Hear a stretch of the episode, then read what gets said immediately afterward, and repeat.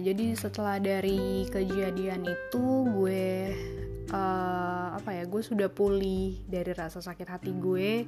Karena memang Tuhan sendiri yang memulihkan keadaan hati gue. Dan yang tadinya gue benci banget sekarang gue udah nggak bisa ngerasain gimana rasanya waktu itu gue benci tuh gue nggak bisa ngerasain. Yang sekarang gue bisa rasain uh, ya kalau ditanya tentang bokap gue pasti gue akan bilang gue sayang banget sama almarhum. Karena ya itu gitu yang yang sekarang yang memang gue rasakan yaitu tidak ada lagi rasa benci dan sakit hati itu udah nggak ada lagi. Karena ya puji Tuhan udah dipulihkan. Dan ya teman-teman uh, kita mau buka dulu di keluaran 20 ayat 12 ini tentang ke-10 firman uh, atau sering kita kenal dengan 10 perintah Tuhan gitu kan. Ya, kita baca ya Keluaran 20 ayat 12. Hormatilah ayahmu dan ibumu supaya lanjut umurmu di tanah yang diberikan Tuhan Alamu kepadamu. Hormatilah ayahmu dan ibumu supaya lanjut umurmu di tanah yang diberikan Tuhan Alamu kepadamu. Kuncinya untuk lo jadi anak yang berhasil adalah selain bergantung penuh sama Tuhan, lo harus bisa hormat dulu sama wakilnya Tuhan di dunia ini. Siapa? Orang tua lo. Di sini Tuhan tuh nggak ngomong, hormatilah ayahmu dan ibumu ketika mereka baik-baik aja dan selama mereka menjadi orang tua yang seperti apa yang kalian mau.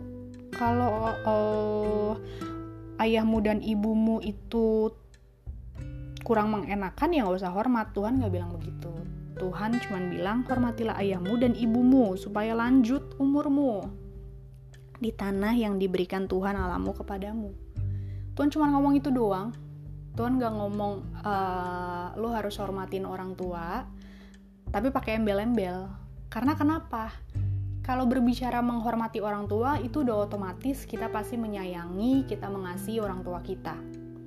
Kalau yang namanya kasih yang sesungguhnya itu udah pakai itu udah tanpa embel-embel.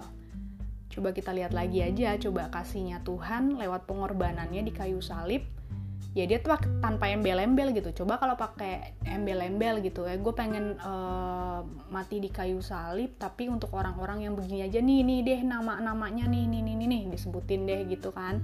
Dari zaman dulu nama kita udah ada gitu, atau nama kita nggak ada karena Tuhan nggak mau nebus kita, enggak kan?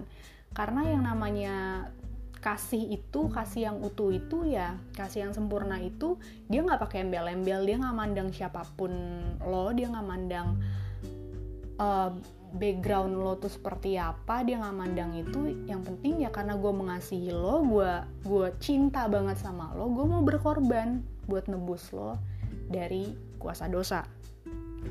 Dan uh, ya itu gitu namanya menghormati orang tua yaitu udah otomatis ya. Pasti kita juga mengasihi dan menyayangi orang tua kita. Tuhan cuma minta itu doang tapi yang itu doang itu kadang kita susah untuk melakukan karena uh, rasa dan perasaan kita pikiran kita kemauan kita itu lebih besar sehingga kadang kita melupakan itu gitu. Nah terakhir kita mau buka di Matius 19 ayat 19 Matius 19 ayat 19 Hormatilah ayahmu dan ibumu dan kasihilah sesamamu manusia seperti dirimu sendiri. Gue pernah ketemu sama orang yang uh, katanya dia punya kasih. Dia punya kasihnya Kristus dia bilang nih. Tapi dia punya sakit hati dan gue bisa bilang dia punya akar pahit sama bokap sama nyokapnya dia. Buat gue ya mending lu review lagi deh. Lu selidiki hati lu bener bener bener bener. Lu bener-bener udah mengasihi sesama atau belum?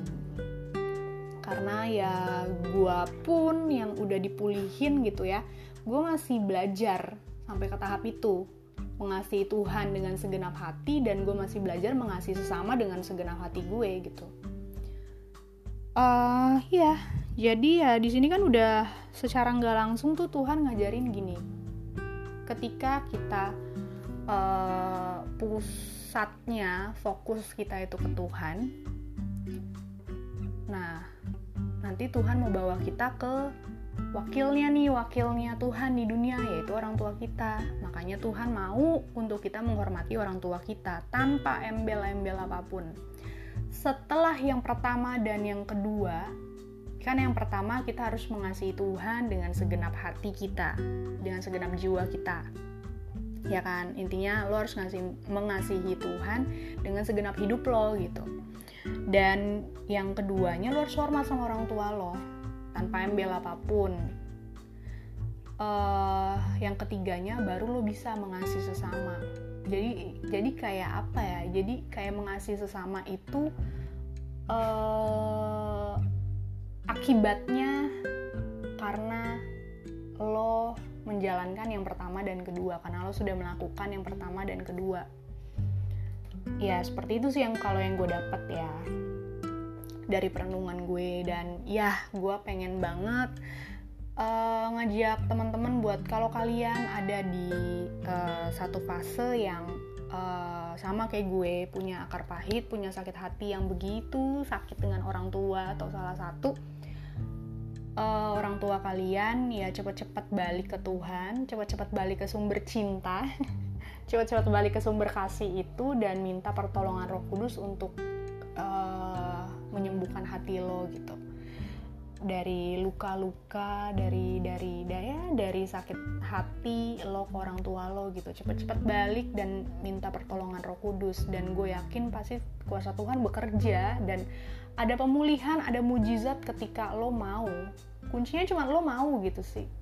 Jangan lo ngandelin pikiran lo gitu. Jangan lo banyak berargumen berpendapat dan lain sebagainya. Kuncinya cuma lo mau untuk lo dipulihin gitu sih.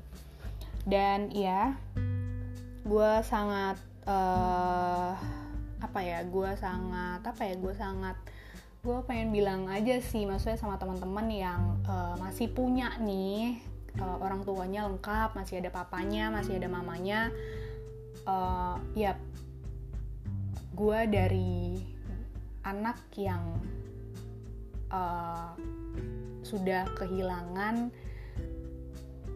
papa kandung untuk selama-lamanya. Sekarang hanya punya nyokap doang.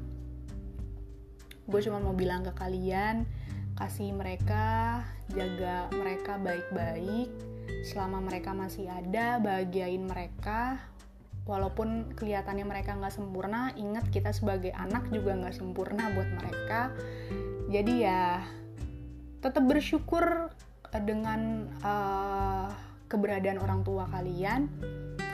Karena ketika salah satunya orang tua kalian dipanggil Tuhan untuk selamanya atau keduanya sudah dipanggil Tuhan untuk selamanya itu kalian bisa ngerasain penyesalan yang begitu dalamnya. Kalau kalian masih tetap kekeh untuk memegang sakit hati kalian ego kalian dari orang tua.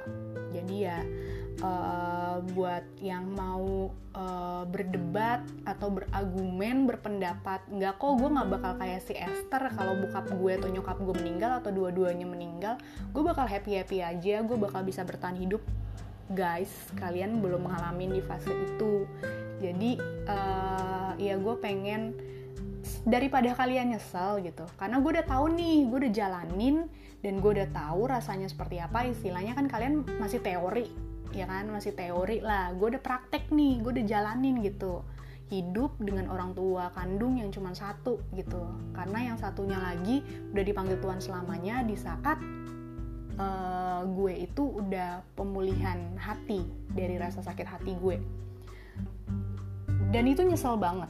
Dan itu nyesel banget. Tapi untuk sekarang ya kalau ditanya gue nyesel apa enggak gue udah melupakan itu semua. Dan kalau ditanya kalau dulu kalau ditanya tentang bokap gue pasti akan bilang gue benci banget sama dia karena bla bla bla bla bla. Tapi kalau sekarang ditanya uh, gue sayang banget sama bokap gue dan ya gue sayang banget banget banget banget sama bokap gue. Dan karena gue baru sadar gitu sih. Dan ya tetap uh, eh, kalian menghormati orang tua kalian ingat gue pengen menekankan ini lagi. Uh, kalau kalian bilang orang tua kalian gak sempurna ya kita juga sebagai anak juga nggak sempurna. Dan kalau kalian kehilangan figur ibu atau figur ayah ya balik aja ke Tuhan. Karena lo bakal nemuin semuanya itu apa yang lo butuhkan dan yang lo inginkan itu semuanya ada di Tuhan. Itu aja teman-teman. Tuhan Yesus memberkati